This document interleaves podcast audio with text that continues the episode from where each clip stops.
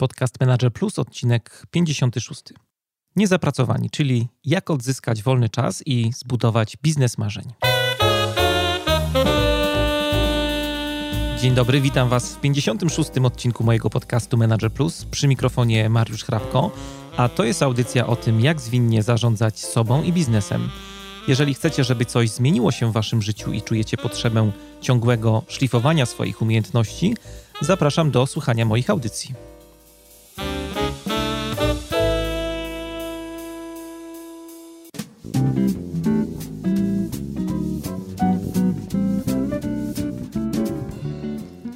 Mam tylko jedno życie i szkoda spędzić je za biurkiem, tak mówi Filip Nowicki, który jest gościem dzisiejszej audycji. Na Filipa, tak naprawdę na jego książkę natknąłem się dość przypadkowo. Byłem w księgarni Podwale 6 w Krakowie, gdzie jak pewnie wiecie, najczęściej raz w miesiącu buszuję sobie i poszukuję różnych ciekawych materiałów do podcastu. Kartkowałem wtedy różne książki i na jednej z półek zerknąłem i zobaczyłem niewielką żółtą książeczkę, która miała taki dość osobliwy tytuł Niezapracowani. Zacząłem ją szybko przeglądać i jak zwykle w takich momentach pomyślałem sobie, że fajnie by było porozmawiać z jej autorem i tak doszło mniej więcej do powstania tej rozmowy, która w wielu momentach na pewno Was zaskoczy. Filip Nowicki przez kilkanaście lat pracował w branży wydawniczej, był prezesem wydawnictwa Wiedza i Praktyka, ale najciekawsze chyba jest w tym wszystkim to, że tak sobie zorganizował pracę, że y, chociaż pracował tylko dwie godziny dziennie, to firma co roku generowała zyski, była na liście 10 największych wydawnictw w Polsce, a roczna sprzedaż urosła z 40 do 80 milionów. Więcej szczegółów tej rozmowy nie zdradzam i zapraszam Was przed głośniki. A notatki do dzisiejszej audycji są do pobrania na stronie mariuszchrapko.com kośnik 056. Zapraszam też do odwiedzenia i polubienia, jeśli jeszcze tego nie zrobiliście, mojego fanpage'a facebook.com kośnik Mariusz Hrabko. No i jak zawsze pamiętajcie o opiniach i gwiazdkach w iTunesie. We wpisie do audycji zamieściłem link do podcastu Manager Plus w iTunes, gdzie możecie zostawić e, krótką recenzję podcastu lub po prostu ocenić go za pomocą gwiazdek. Zajmie Wam to na pewno chwilkę, a dzięki Waszej pomocy ten podcast będzie lepiej widoczny w rankingach iTunes. Już teraz bardzo Wam dziękuję za pomoc, a przed nami poradnikowo, które tym razem będzie bardzo wyjątkowe. Jakiś czas temu zapytałem Dominika Juszczyka, który prowadzi podcast z pasją o mocnych stronach, czy nie miałby ochoty podzielić się ze słuchaczami podcastu Manager Plus jakimiś praktycznymi radami, które e, stosuje w życiu, które ułatwiają mu życie. Dominikowi pomysł ten bardzo się spodobał i zaproponował kilka możliwych tematów, o których mógłby poopowiadać. Ostatecznie zdecydowaliśmy się na produktywność i w ten sposób powstał cykl czterech odcinków. W każdym z nich Dominik będzie omawiał filary produktywności, które pomogą Wam się lepiej zorganizować w życiu i być bardziej produktywnym. Bardzo zapraszam i oddaję już mikrofon Dominikowi poradnikowo.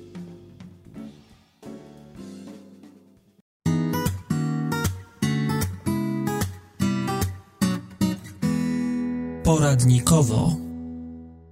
Dzień dobry. Nazywam się Dominik Juszczyk, prowadzę blog Near Perfect Performance i podcast z pasją mocnych stronach, które znajdziecie pod adresem npp.run. Zapraszam Was do mini cyklu produktywności, rozumianej jako robienie właściwych zadań we właściwy sposób we właściwym czasie. I w ramach tego cyklu chciałbym Wam opowiedzieć o czterech podstawowych filarach, które składają się na dobry system produktywności. I dzisiaj filar numer jeden lista zadań. Po pierwsze, warto zacząć od tego, że zadania dobrze jest zapisywać. Założę się, że czasami macie takie myśli: O, zapamiętam to, o, będę o tym pamiętał, o, na pewno sobie o tym przypomnę. Sam czasami tak mam. Badania pokazują, że takie zadania, takie sprawy, które trzymamy w pamięci, są bardzo kosztowne. Kosztowne w e, sensie stresu, które powodują, i kosztowne w e, sensie energii, które wymagają, żeby te zadania pamiętać.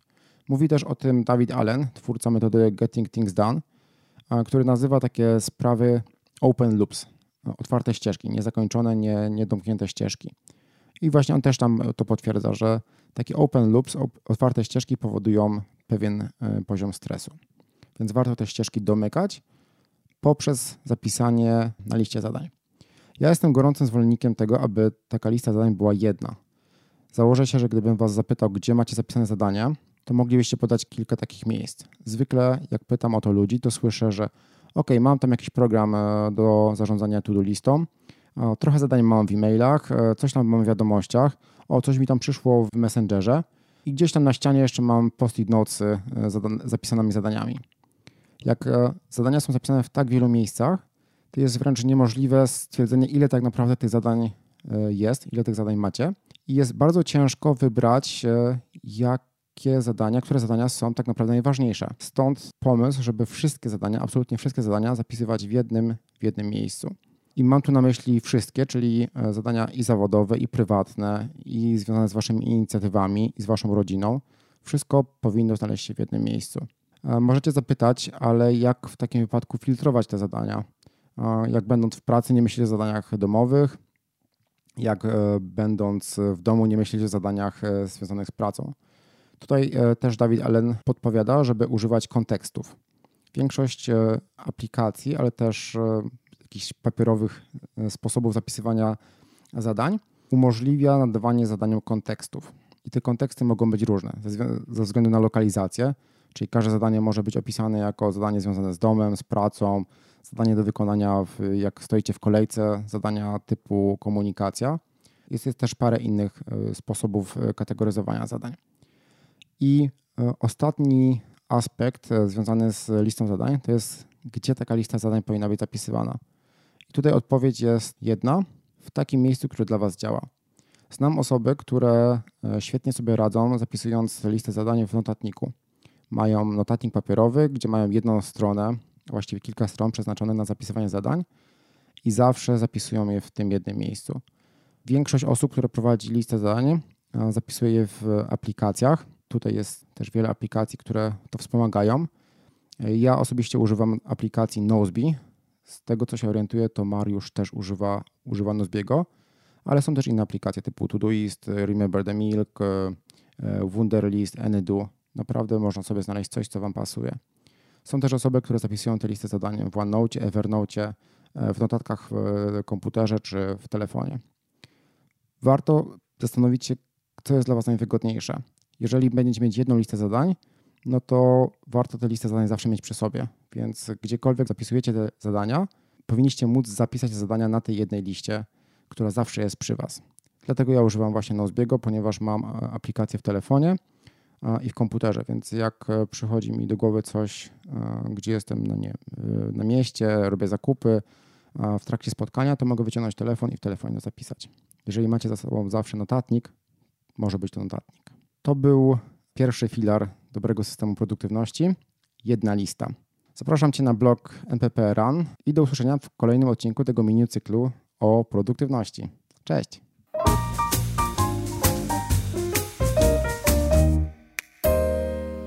Rozmowa to jest podcast Manager Plus. Dzisiaj w audycji będziemy rozmawiali o tym, jak założyć i rozwijać swój biznes marzeń.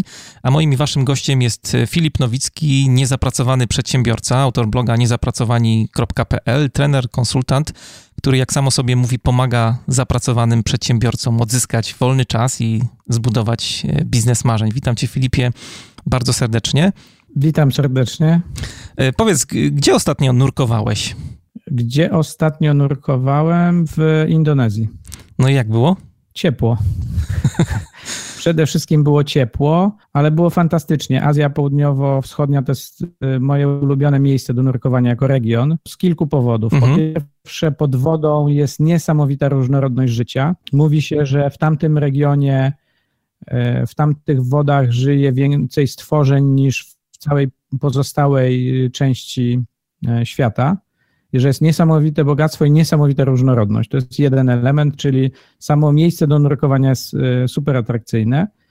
E, druga rzecz, która e, sprawia, że ja tam lubię jeździć, to jest sam ten region. Mówię o ludziach, o kuchni, o, o zwyczajach, o tym, jak tam płynie życie. Dosyć, można powiedzieć, na takim wolnym biegu i z uśmiechem na ustach. I mhm. to jest mhm. fantastyczne. I to, co dotyczy samych ludzi, którzy tam mieszkają, to oczywiście są biedne kraje i i cały czas na dorobku, można powiedzieć. Natomiast rzeczywiście to są, to są narody niezwykle przedsiębiorcze. Tam każdy coś robi z uśmiechem mhm. na ustach. Jeden czymś handluje, drugi gotuje na ulicy. I nie ma takiej bariery, że muszę mieć dużo, żeby cokolwiek zacząć. Jak ktoś ma kurę, to sprzedaje jajka, już jest przedsiębiorcą. Do tego stopnia można zacząć bez absolutnie bez niczego, robiąc najprostsze rzeczy. I to jest takie miejsce, gdzie ja świetnie odpoczywam, dlatego że tam jest tyle pozytywnej energii, tyle się dzieje, że, że po prostu to napawa optymizmem. To jest świetne miejsce na wakacje. Zacząłem od tego tematu, bo y, przeczytałem Twoją książkę Niezapracowani i tam cały taki spory rozdział na końcu jest poświęcony właśnie temu tematowi i e, widać, że masz y, no, dużą pasję w ogóle y, wiążesz z tym tematem. I taki jestem też ciekawy, co takiego jest interesującego w tym całym nurkowaniu, bo siedzisz pod wodą, nie masz z kim pogadać. I to jest właśnie ten ogromny plus, Aha. że siedzisz pod wodą, obserwujesz świat, który tam żyje swoim życiem i większość czasu ignoruje ciebie, mhm. ewentualnie traktuje jako gościa z pewną ciekawością, ale też z dystansem. Jesteś w świecie, po pierwsze jest to świat naprawdę trójwymiarowy. Nurkując, masz poczucie, że poruszasz się w trzech kierunkach. E, no bo chodząc po ziemi jesteśmy tak jakby na płaszczyźnie, a mhm. tam rzeczywiście jeszcze jest ta głębokość, która, która sprawia, że mamy trochę, może takie niektórzy wrażenia, też niektórzy to tak porównują, że wyobrażają sobie, że trochę jakby lewitacja w kosmosie. I e, więc jedna rzecz to jest to odcięcie od telefonów, od rozmów, od świata zewnętrznego, tego, który znamy na co dzień. To wynika z samej natury nurkowania, E, ponieważ przebywasz pod wodą w zupełnie innym środowisku, nienaturalnym dla nas, to musisz się koncentrować na tym, co się dzieje tu i teraz, na swoim bezpieczeństwie, na tym, czy, e, czy masz odpowiednią ilość powietrza, czy nie jesteś za głęboko, czy nie jesteś za długo, czy twój partner jest dostatecznie blisko, mhm. żeby w razie czego sobie pomóc. Także maksymalnie się koncentrujesz na, tym, na tej chwili, jednocześnie obserwując oczywiście, co się dzieje dookoła. I to są fantastyczne obrazy, krajobrazy, zwierzęta i rośliny, zupełnie no, niecodzienne przeżycia w sensie wizualnym, jakby doświadczania tego, ale z drugiej strony kompletnie się odcinasz od tego, co zostawiłeś na powierzchni. No, jak ktoś wchodzi pod wodę, to się nie martwi tym, czy ten mhm. aktualny kwartał to nam się zamknie tak samo dobrze jak rok temu albo lepiej, tylko myśli o tym, jak spędzę najbliższe 20 czy 30 czy 40 minut i czy, y, czy jestem bezpieczny i czy wszystko się dzieje tak, jak było zaplanowane. Także y, to momentalnie odcina umysł od tego, co zostawiamy na powierzchni i dzięki temu fantastycznie odpoczywamy. Zachęcasz bardzo do takiego sportu. Zachęcam bardzo, bo to szczególnie dla osób, które są aktywne zawodowo, czy prowadzą własne firmy, czy pracują gdzieś i, i rzeczywiście wkładają dużo energii w sferę życia zawodowego to jest błyskawiczny, błyskawiczny odpoczynek. To znaczy, jeżeli rzeczywiście e, wejdą w to nurkowanie z takim zaangażowaniem, to zorientują się, że, że nawet tydzień spędzony na takim wyjeździe, rzeczywiście taki, gdzie codziennie się nurkuje dwa, trzy razy, czyli stosunkowo dużą część dnia się poświęca na to, fantastycznie relaksuje, bo, bo nie ma po prostu czasu myśleć o, o, innych sprawach. One natychmiast się zmieniają priorytety. No po prostu kolejne nurkowanie jest ważniejsze niż e, coś tam, co się dzieje w firmie czy w pracy. Dzisiaj nie będziemy o nurkowaniu tak dużo rozmawiać, ale temat jest audycji taki, że chcemy troszeczkę dotknąć tematu przedsiębiorczości i tego, e, jak zakładać e, swoją firmę. Chciałem zacząć od tego, żebyś opowiedział może Twoją historię, jak, jak to było, jak zacząłeś swoją przygodę z biznesem. Pytasz o wydawnictwo Wiedza i Praktyka. Tak. Moja historia z biznesem zaczęła się jeszcze chwilę wcześniej ale rzeczywiście ta najważniejsza część mojego zawodowego życia dotyczyła pracy w wiedzy i praktyce. Ja tam podjąłem pracę na czwartym roku studiów w sytuacji takiej, gdzie właściciele, to, to wydawnictwo jeszcze nie istniało, istniało wydawnictwo e, KIK Konieczny i Kruszewski i właściciele zatrudnili trójkę studentów do tego, żebyśmy przetestowali mhm. E, koncepcję nowego produktu, którą tworzyli wspólnie z wydawnictwem niemieckim. I założenie było takie: jeżeli to się uda, to powstanie nowa firma i wy tam będziecie pracować. Dosłownie tak to wyglądało. My oczywiście nie mieliśmy zielonego pojęcia ani o wydawnictwie, ani o, o robieniu produktów, ani o marketingu tych produktów. E, pomimo tego, że wszyscy byliśmy, kończyliśmy uczelnie ekonomiczne, to nie mieliśmy oczywiście żadnej praktyki. No ale na szczęście umiejętno, umiejętnie nami pokierowano i ten test się udał. Powstała pierwsza publikacja wymienno-kartkowa. To była w ogóle pierwsza, jedna z pierwszych y, takich publikacji w Polsce. Czyli taki segregator, do którego później się dopina kolejne kartki. I na tej bazie wystartowało wydawnictwo Wiedza i Praktyka. I na dzisiejsze czasy moglibyśmy powiedzieć, że to był typowy startup. Wtedy takie, takie słowo nie istniało y, i po prostu robiliśmy test nowego produktu. Mhm. Później, żeby jakby tą historię przyspieszyć, ja tam pracowałem, zmieniał i moje role się dosyć często zmieniały. W którymś momencie ja już sam byłem architektem tego, czym bym się chciał zajmować i, i, i z dużą dokładnością mniej więcej co trzy lata e, decydowałem, że chciałbym się zająć czymś innym. Łącznie z tym, że e, będąc e, szefem działu, który już wtedy zatrudniał kilkanaście osób, poszedłem z propozycją do mojego kolegi w zarządzie, żeby ten dział rozmontować, ponieważ nie widzę sensu, żeby on dalej funkcjonował w takim kształcie i rzeczywiście z niego powstały trzy zespoły, a ja zacząłem, zająłem się czymś innym. E, a było to tworzenie nowych produktów i to, było, to była moja rola przez kolejne trzy lata i też wielka moja pasja, ponieważ to dawało możliwość eksperymentowania we wszystkich kierunkach. Takie było założenie e, tego mojego mini działu, dwu, potem trzyosobowego.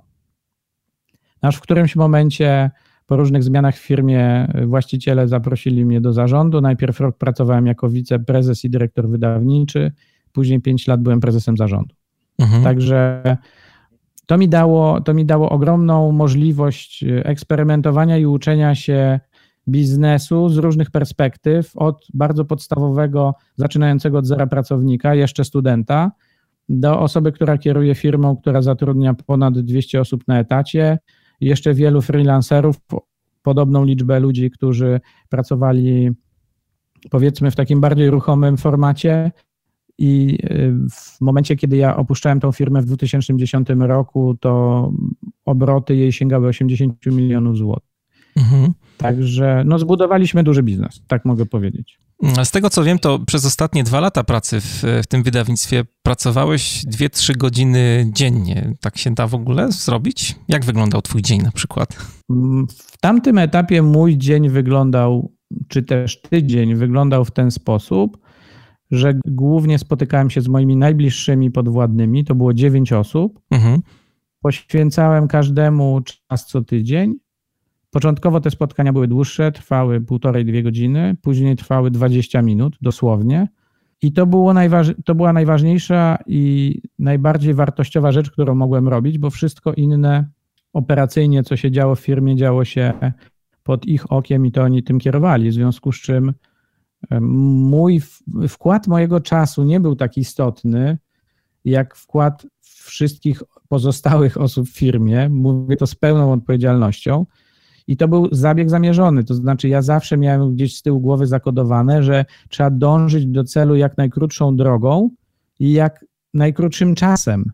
Nie robić rzeczy, które są niepotrzebne, tylko szukać tej ścieżki, mhm. która nas tam najszybciej doprowadzi. I na szczęście bardzo szybko zdałem sobie sprawę w życiu z tego, że ilość energii i czasu, którą ja włożę osobiście w tą firmę, nie ma większego znaczenia. To było w momencie, kiedy w firmie zaszły pewne zmiany, dosyć gwałtowne, i w efekcie tych zmian ja z dnia na dzień z trzech pracowników, takich bezpośrednich podwładnych, nagle miałem ich 50.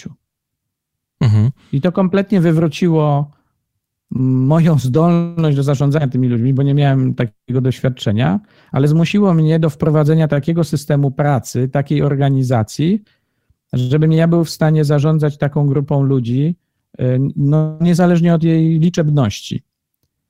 I później to wszystko, co się działo później, było jakby konsekwencją tego, że zdałem sobie sprawę z tego, że il, moja osobista ilość czasu zainwestowana w tą firmę nie ma takiego znaczenia, dlatego że większe znaczenie ma, jeżeli mam 100 podwładnych w sumie w całej firmie, to większe znaczenie ma, y, czy oni jedną godzinę z całego swojego dnia poświęcą na robienie rzeczy, które naprawdę nas wszystkich popych przodu. I uważam, że to zadanie zrealizowałem bardzo dobrze z pomocą różnych trenerów, coachów i pomocą mojego zespołu, który też uczestniczył w tym procesie i też dalej go replikował w dół w swojej strukturze, jakby w, u swoich płatnych. I, I to się udało. Natomiast, tak jak powiedziałem, to był proces, który gdzieś tam w mojej głowie się zaczął znacznie wcześniej. I to, że ostatnie dwa lata pracowałem niewiele w sensie liczby godzin poświęcanej na tak zwaną pracę, było efektem tego, że wcześniej mm, przeprowadziliśmy intensywny półtora roczny, czy nawet ponad półtora roczny program, którym byli objęci menedżerowie na różnych poziomach, taki program szkoleniowy, a jeszcze wcześniej pracowaliśmy nad tym, żeby odpowiednio ułożyć strukturę w firmie i pewne kluczowe procesy, czy zbudować taki pewien fundament, ten twardy fundament, potem budować kompetencje ludzi, którzy są odpowiedzialni za innych ludzi i za wyniki, i w efekcie otrzymaliśmy taki wynik, że firma działała beze mnie i każdy wiedział, co ma robić. No ale co robiłeś przez te pozostałe godziny? E, bo tam... Nudziłem się. Nudziłem no ale dlatego, chodziłeś dlatego do pracy normalnie na 8 godzin, tak?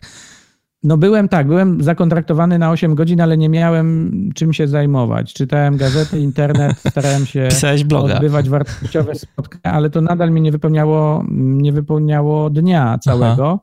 W związku z czym e, nie spędzałem tam 8 godzin, spędzałem mniej przyjeżdżałem godzinę po wszystkich, wychodziłem godzinę wcześniej i nadal miałem mnóstwo luzu.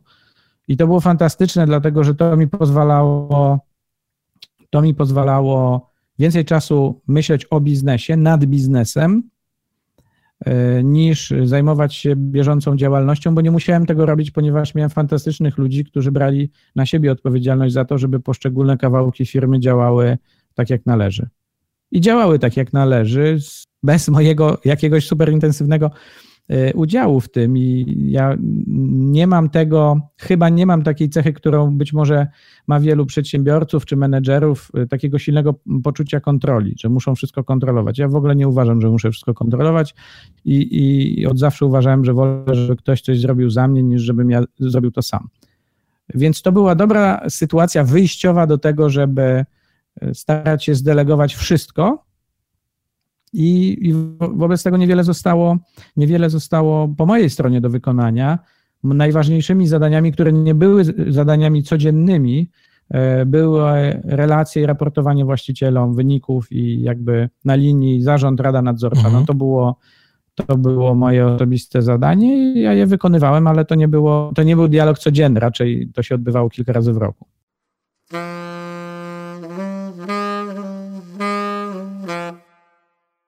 Wspomniałeś, że y, w tym takim planie trzygodzinnego dnia pracy pomogły szkolenia i cały ten program roczny, który wcześniej się odbył w waszej firmie.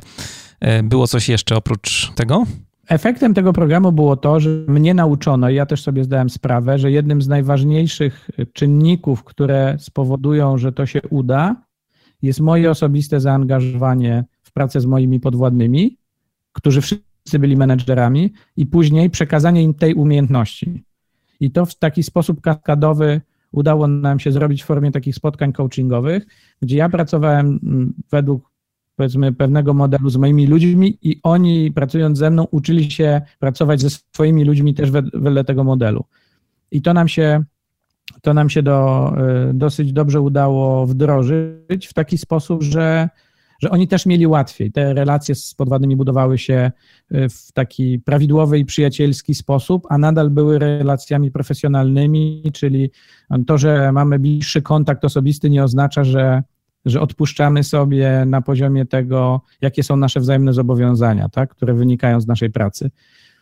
Także mm, myślę, że to jest tak, jak zauważam, jak pracuję z przedsiębiorcami, to myślę, że to jest jeden z pierwszych kroków, żeby bardziej zaangażować się w pracę ze swoimi ludźmi, bo tak naprawdę, tak brutalnie wygląda sytuacja. Tak naprawdę to nie wy, przedsiębiorcy, decydujecie o tym, co się dzieje w waszej firmie, tylko wasi podwładni. Jeżeli macie super zespół, drużynę A, to, to ten super zespół wykona nawet najtrudniejsze zadania i poradzi sobie nawet w najtrudniejszych sytuacjach.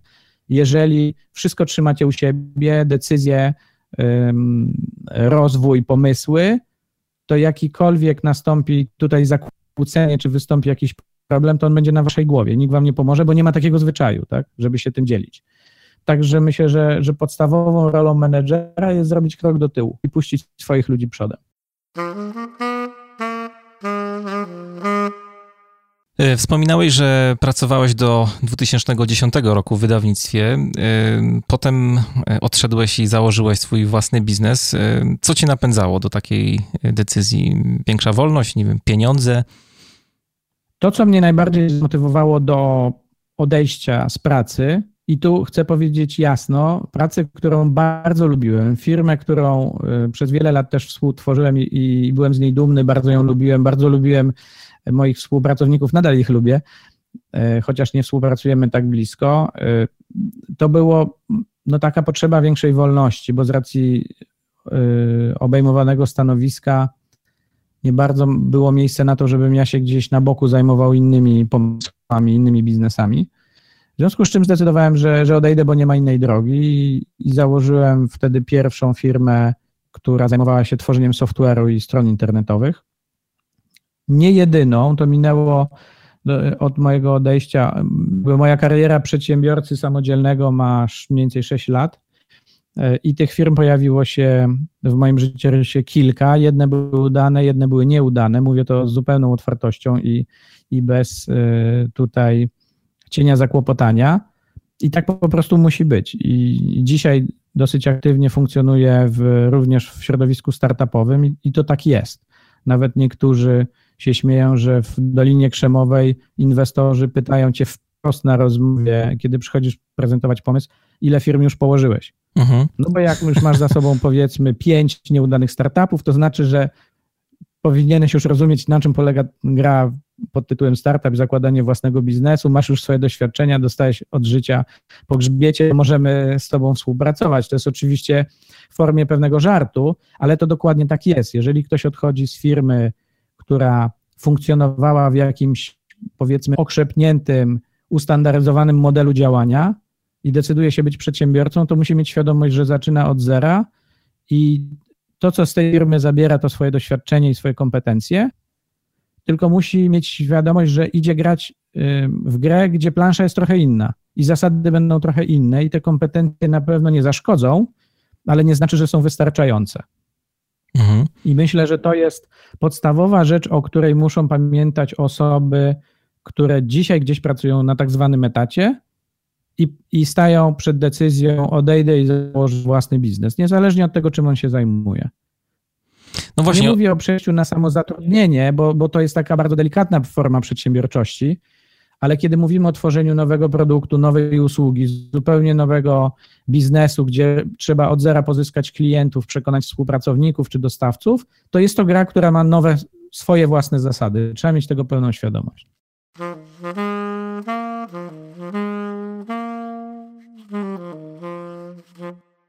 Chciałbym jeszcze zapytać o kwestię tej decyzji, o której tutaj wspominasz, bo e, dostaję też maile od słuchaczy, którzy pytają dokładnie właśnie, co powinni zrobić. Pracują na etacie, czują się do końca niespełnieni. E, i jakoś tam gdzieś podskórnie e, czują, że to nie jest to, co chcieliby robić w życiu i myślą o założeniu właśnie własnej firmy, e, no ale boją się zrobić ten krok, ten, ten pierwszy krok, bo praca na etacie daje im stabilność, daje im stałe dochody, a tutaj jest trochę taki skok w nieznane. Chcieliby to zrobić, ale jakoś tak cały czas się wstrzymują z taką decyzją. Jak to było w Twoim przypadku? Czy, czy właśnie to była taka decyzja z dnia na dzień, czy jakoś przygotowywałeś się wcześniej do tego, żeby E, założyć własną firmę i odejść z pracy etatowej? Tak, oczywiście się przygotowywałem, natomiast e, zanim zacząłem się przygotowywać, to jeszcze był taki okres myślenia, to znaczy gdzieś w którymś momencie w mojej głowie wyrosła ta idea, e, że może dobrym dla mnie scenariuszem jest odejść z pracy i założyć własną firmę. Jeszcze wtedy nie wiedziałem jaką, ale uh-huh. własną. Uh-huh. I myślę, że z ty, tymi przemyśleniami borykałem się jakiś rok czy półtora i mniej więcej rok przed odejściem faktycznym podjąłem tę decyzję i zacząłem się przygotowywać. W pierwszej kolejności, można powiedzieć, czy, czy bardziej skupiłem się na tym, żeby przygotować moją firmę i współpracowników na to odejście, niż, to, na, niż siebie na to, co będę robił, jak już odejdę. Mhm. Także, no ale później oczywiście w momencie już odchodzenia miałem pewien pomysł na to, czym się zajmę i do pewnego stopnia przygotowany, przygotowany powiedzmy grunt, żeby w miarę szybko, bez straty czasu, tą nową działalność uruchomić i ją podjąć. Natomiast dzisiaj mam jeszcze nowe doświadczenia i gdybym miał poradzić komuś, kto stoi przed taką decyzją, albo już podjął decyzję, ale jeszcze nie podjął działań, to bym zaproponował przemyślenie swojej sytuacji, tej swojej decyzji pod kątem trzech takich pytań. Po pierwsze, czy mój pomysł, który mam w głowie, ten pomysł na nowy biznes, znajdzie dość entuzjastów na rynku, żeby, żeby mm, mój produkt czy usługa miał klientów. I to jest rzecz, którą można zrobić bez odchodzenia z firmy. Tak pracuje wielu ludzi, którzy, którzy zakładają startupy. Na początku pracują nad swoim pomysłem, gdzieś tam wieczorami czy popołudniami i weekendami, żeby doprowadzić go do takiej bardziej mięsistej, żeby z tego pomysłu powstała koncepcja i żeby tą koncepcję w jakiś sposób zweryfikować. I tu absolutnie nie, nie trzeba wiele inwestować pieniędzy, trzeba zainwestować trochę czasu i zdecydowanie jestem orędownikiem takiego modelu, że to robimy jeszcze pracując. Bo może się okazać, i jest na to cała metodologia, jak w szybki sposób, tak zwany lean startup, jak w szybki sposób doprowadzić do tego, że mój pomysł weryfikuje na rynku, ale weryfikuje w sposób, który jest miarodajny. Nie pytam znajomych i rodziny, co sądzisz o tym, bo wszyscy powiedzą, że mi się to podoba, tylko nikt z nich nie kupi, jak produkt już będzie. Więc chodzi o to, żeby nie tracić czasu i pieniędzy i energii na tworzenie produktu, tylko najpierw, zanim fizycznie ten produkt powstanie, zapytać w inteligentny sposób, różnymi metodami, zapytać rynek, czy to kupicie. A to, że nie mamy produktu, nie ma żadnego problemu, dlatego że możemy, jeżeli ktoś powie, tak kupuję i położy pieniądze na stole, to należy wziąć pieniądze, po czym powiedzieć go, wiesz, musisz poczekać trzy miesiące, bo produkt jeszcze nie jest skończony. I jest okej, okay, większość ludzi to akceptuje. Mhm. Nikt się o to nie obraża. Bardzo rzadko ludzie się o to obrażają.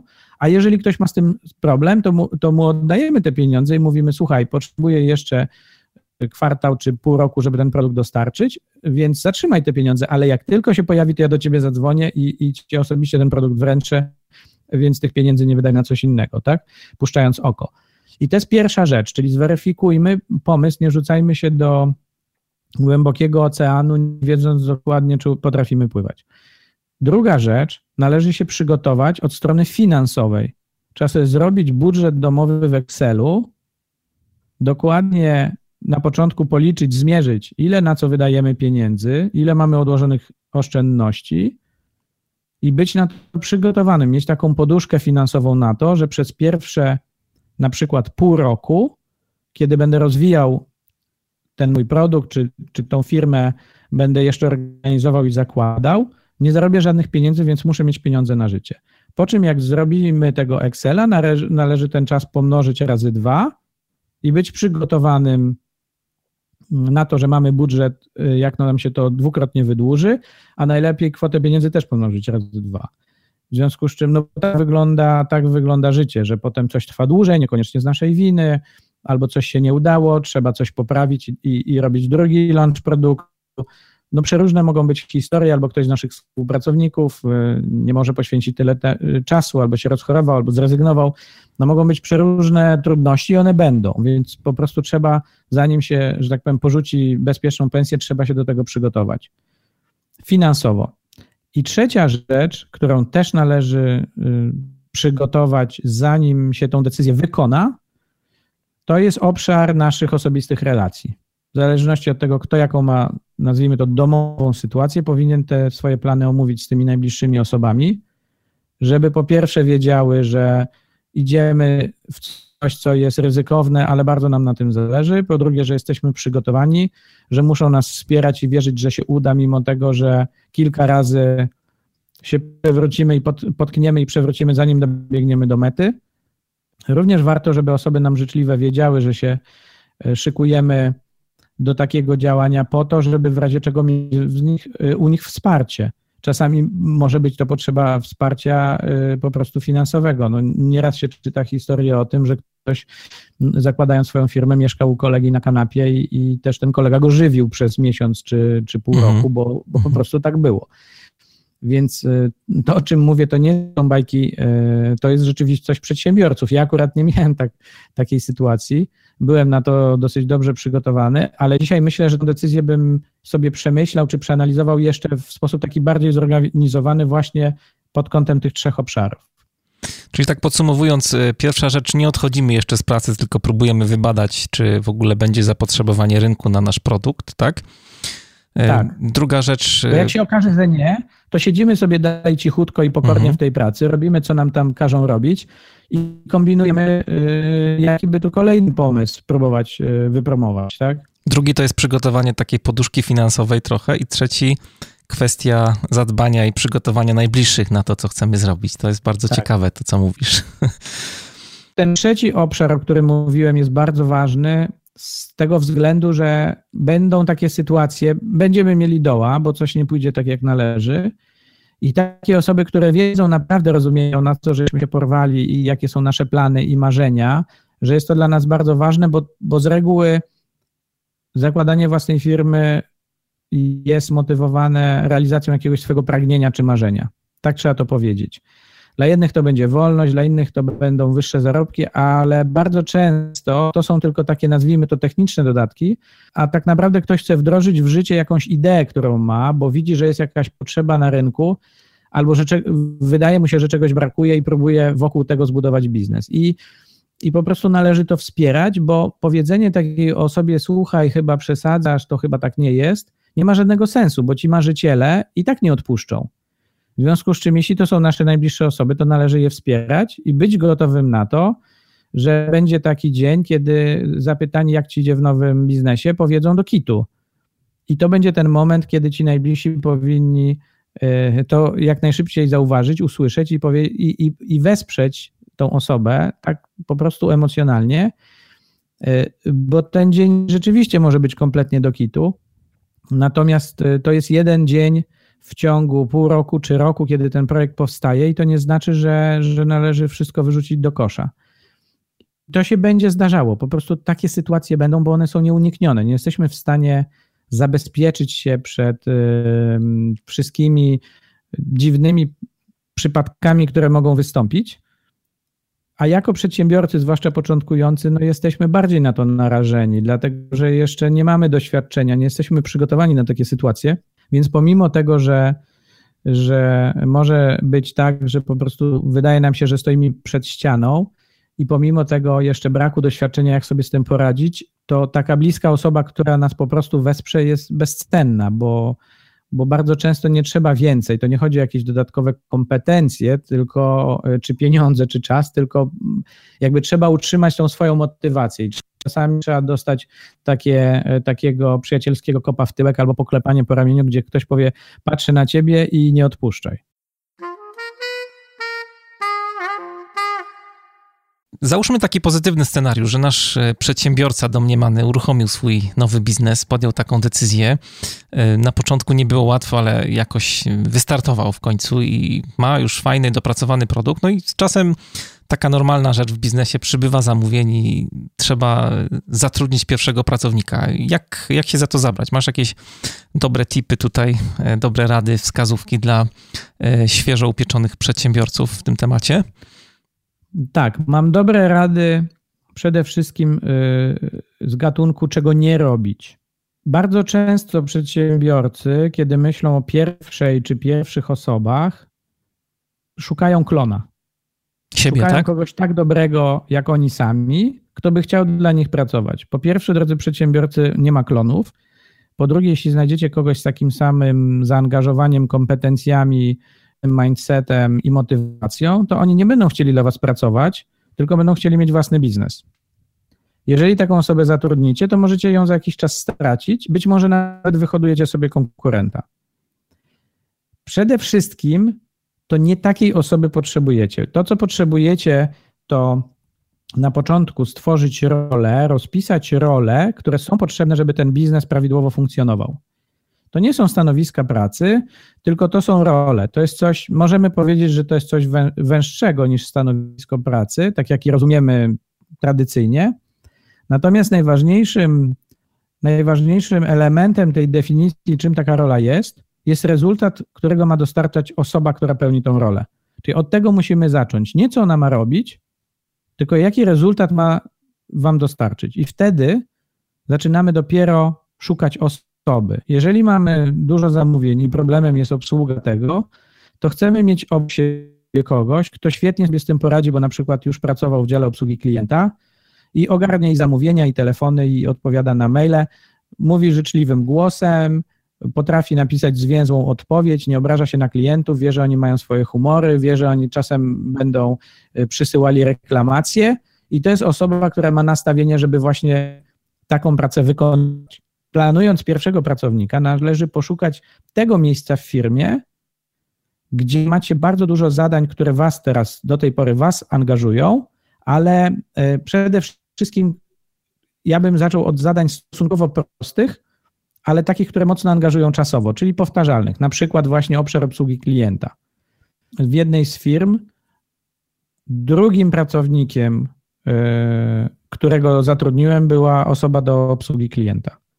Dlatego, że ten człowiek zdjął z mojej głowy konieczność cały czas bycia w jakimś kanale kontaktu z klientami, gdzie ja cały czas jestem dostępny i mogę odebrać telefon albo szybko odpowiem na maila. To było coś, co najbardziej burzyło mój dzień. No tak. Więc to była pierwsza rzecz, którą ja zdelegowałem i dzięki temu nadal mogłem być skupiony na biznesie, na produkcie, na, na działaniach marketingowych.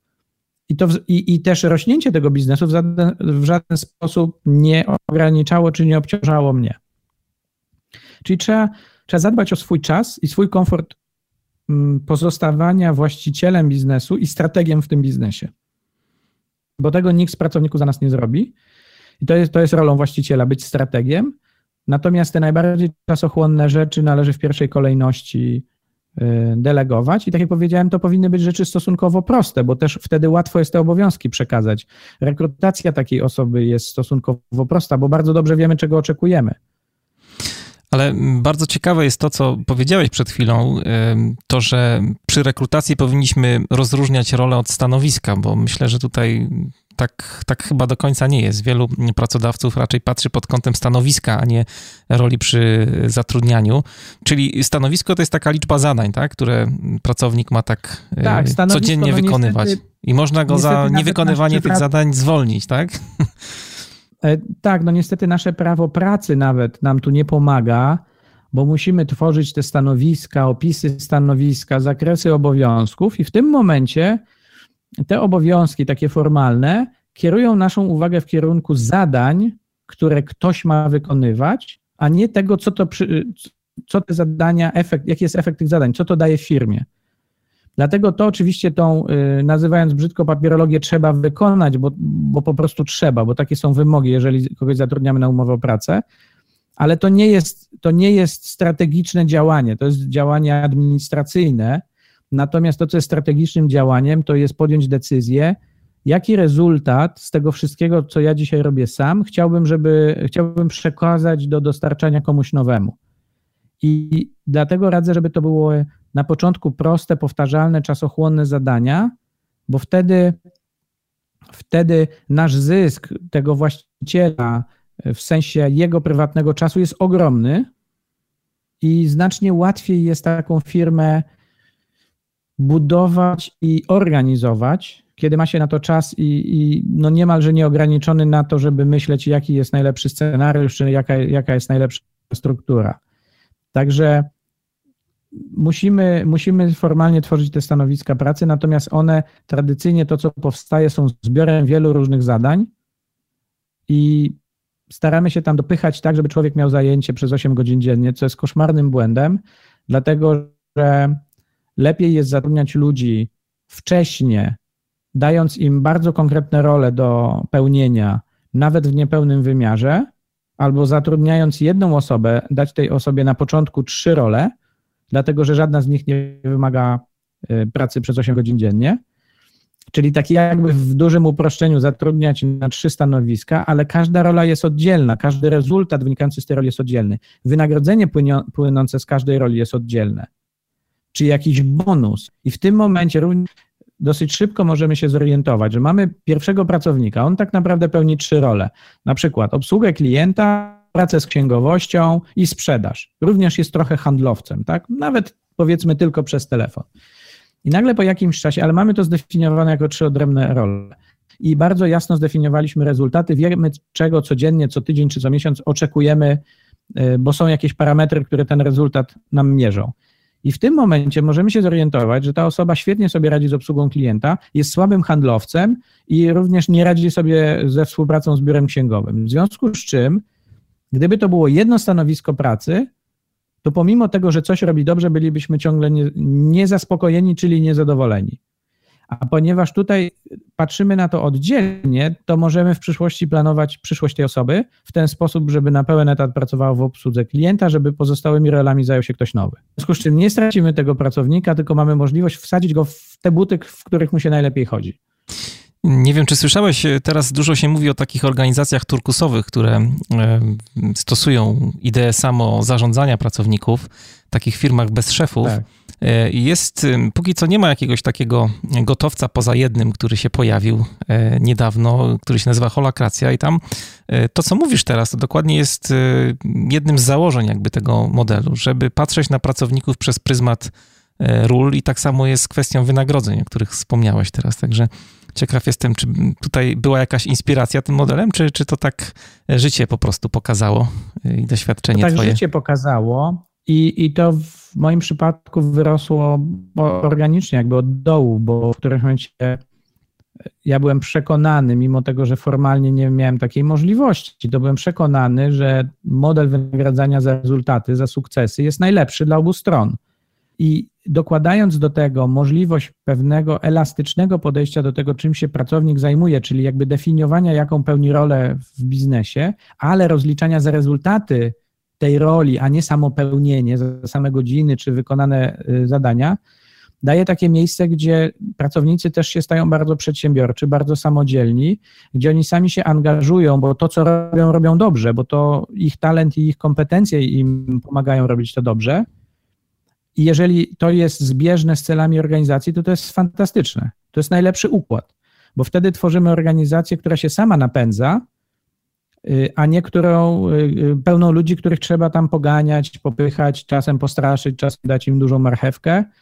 Jakby nie trzeba kupować tego zaangażowania, tylko ono wypływa w sposób bardziej naturalny, ale również jest dobrze wynagradzane, to znaczy w taki sposób, gdzie jest tam jakiś model bonusu, yy, który jest bardzo znaczący, czy czegoś takiego. Oczywiście idealny byłby model, który jest kompletnie płynny, który jest czystym bonusem, no ale to, to może jest utopia, może tego się nie da w ten sposób wdrożyć, albo być może nie w przypadku wszystkich osób czy wszystkich ról, ale należy tego szukać.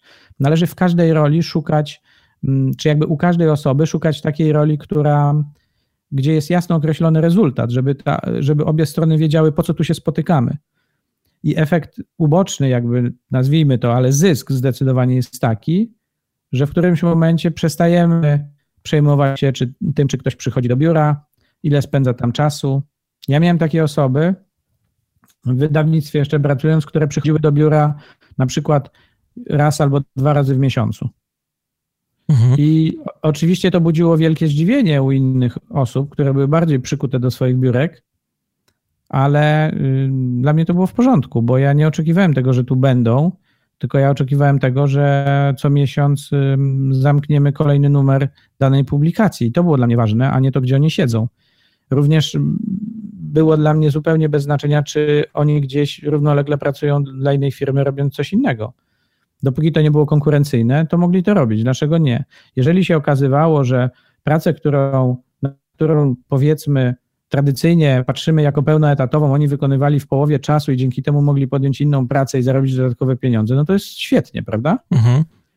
To nie jest zagrożenie, że ja stracę tą osobę. Ja właśnie tą osobę zyskuję y, mocniej dla mojej firmy, bo ona wie, że, że tak, taki układ z pracodawcą w tej firmie jest możliwy a gdyby chciał pójść gdzieś indziej, to by mu kazano tam siedzieć przy tym biurku i by patrzono na to, o której przyszedł, o której wyszedł, odbił kartę, podpisał listę i tak dalej. Także jestem gorącym zwolennikiem tego, żeby organizacja była elastyczna, a nie usztywniona.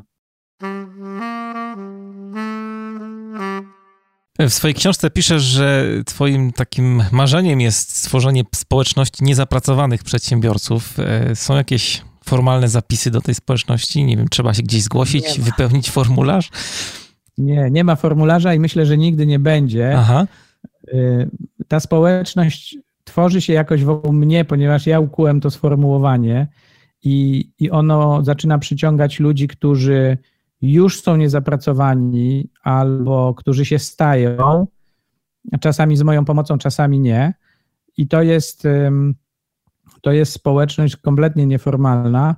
Natomiast y, nie, nie ma, nie ma formalnych wymogów. Ja definicję niezapracowanego rozumiem w ten sposób, że to jest ktoś, kto aktywnie prowadzi własny biznes, poświęca na pracę w tym biznesie albo 2-3 godziny dziennie, y, albo kilka dni w miesiącu, bo są też ludzie, którzy w takim modelu pracują. I ten biznes pomaga ludziom, więc jest wartościowy, niesie na rynek, daje jakąś wartość dla klientów, natomiast również jest bardzo ważne i podkreślam, to jest moja osobista definicja, nikt nie musi się do niej y, przywiązywać. Dla mnie bardzo ważne jest to, że to są również ludzie, którzy mają pasję poza pracą. Dla mnie tą pasją jest między innymi nurkowanie, podróżowanie, kitesurfing, narty, rower, przeróżne rzeczy.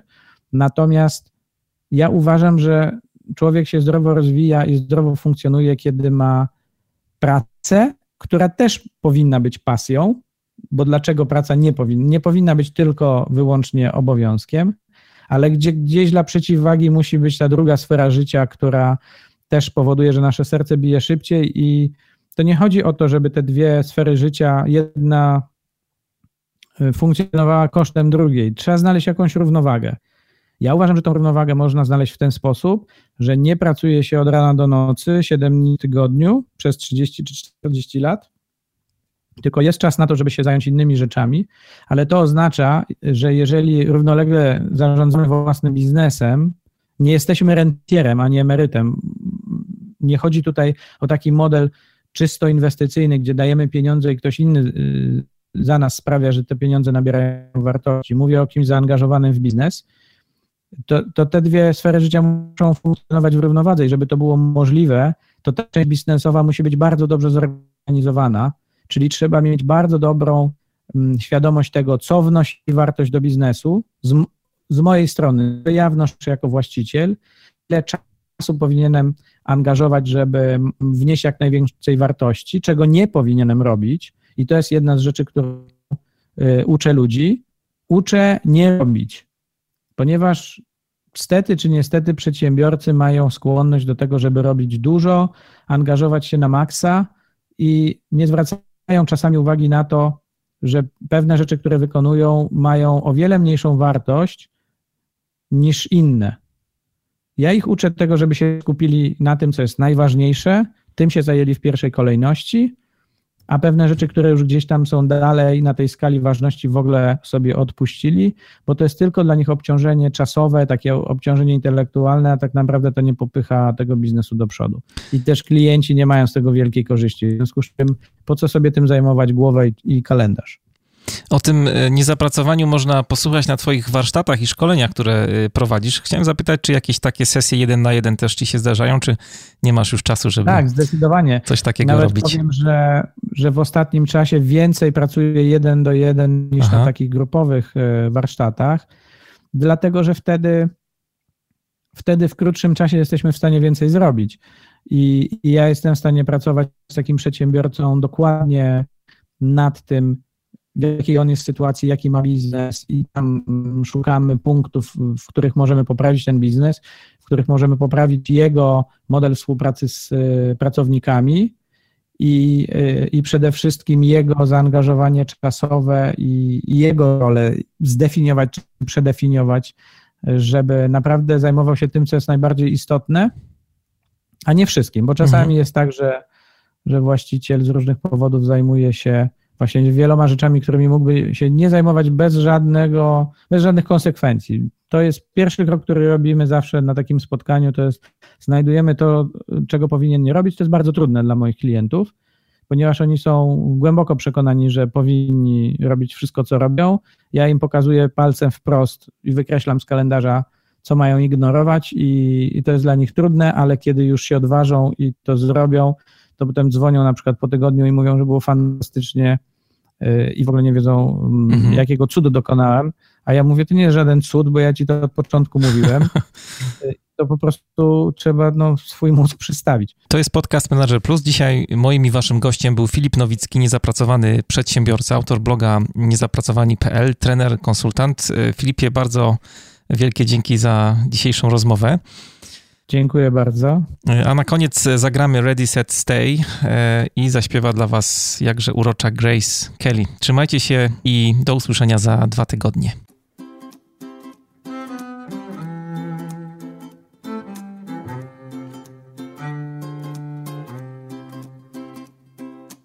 Hit snooze, just five more minutes, please. You're such a sleepy head, and that works for me, that works for me. Maybe we shouldn't sleep till noon, and we have things to do, but they can wait, let's let them wait. Under the covers, wait for me. Wait for me. Ready, said, stay. Ready, said, don't go away said, stay forever, stay, stay, stay. Ready, said, stay. Ready, said, love me all day. Stay forever, stay, stay, stay. cotton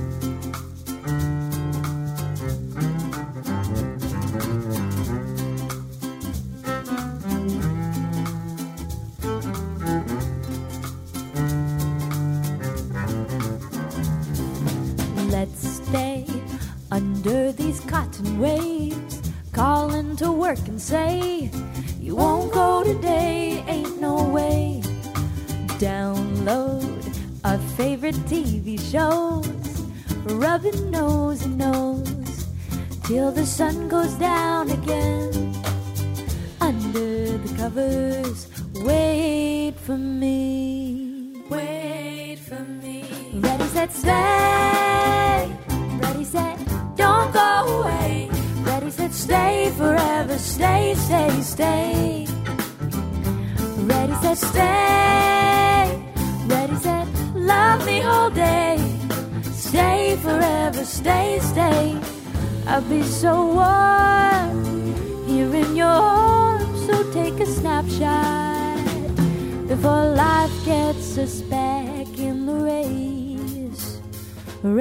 Ready, stay.